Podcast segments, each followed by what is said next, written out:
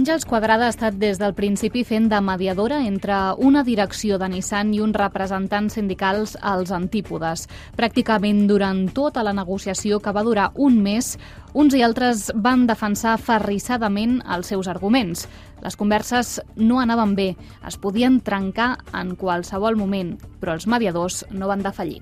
Vam entendre que d'allà s'havia de sortir un acord i s'havia de fer el que fos per mantenir eh, la negociació, encara que durant molt de temps ens semblava que no s'avançava gens. Però finalment, un moment donat, les coses donen un tom i, i es comença a avançar, fins que en poc temps es va assolir l'acord. La pandèmia també va complicar les negociacions. Al principi de tot hi va haver alguna reunió presencial, però la prudència va recomanar recórrer a la via telemàtica que resta agilitat a l'hora de prendre decisions o de generar empatia. Les converses decisives, les que van tenir tothom sense aixecar-se de la cadira durant prop de 30 hores, van ser per videoconferència i gairebé sempre per separat, amb els mediadors fent de missatgers entre una part i una altra.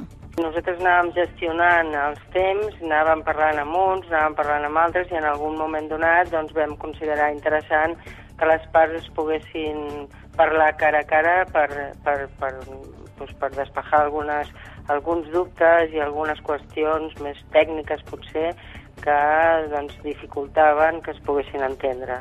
Una negociació implica sessions per les dues parts del conflicte, sense vencedors ni vençuts.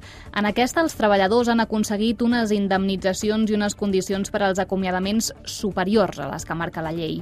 Però el que guanya l'altra part no sempre és tan tangible. Pot ser que una de les parts hagi cedit més que l'altra, però eh, si ho valores en conjunt pot ser que l'altra part hagi guanyat amb un altre tipus de coses, no? en què es treu de sobre un problema, que li pot afectar la producció, amb la imatge, amb moltes coses que potser no estaven sobre la taula però que pesen molt.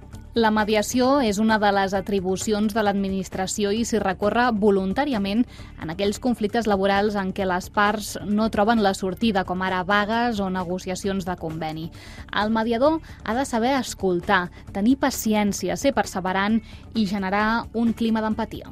El tercer, el tercer, que és el mediador, és el que ajuda a fer entendre els motius, les postures, les emocions, el per què de les coses. Llavors vas creant un espai en el qual les parts es van apropant fins que entenen el per què de les coses o de les postures dels altres i mica en mica doncs, van assolint un acord que és el que volen. I al final tots contents, perquè segons Àngels Quadrada la mediació és gairebé terapèutica.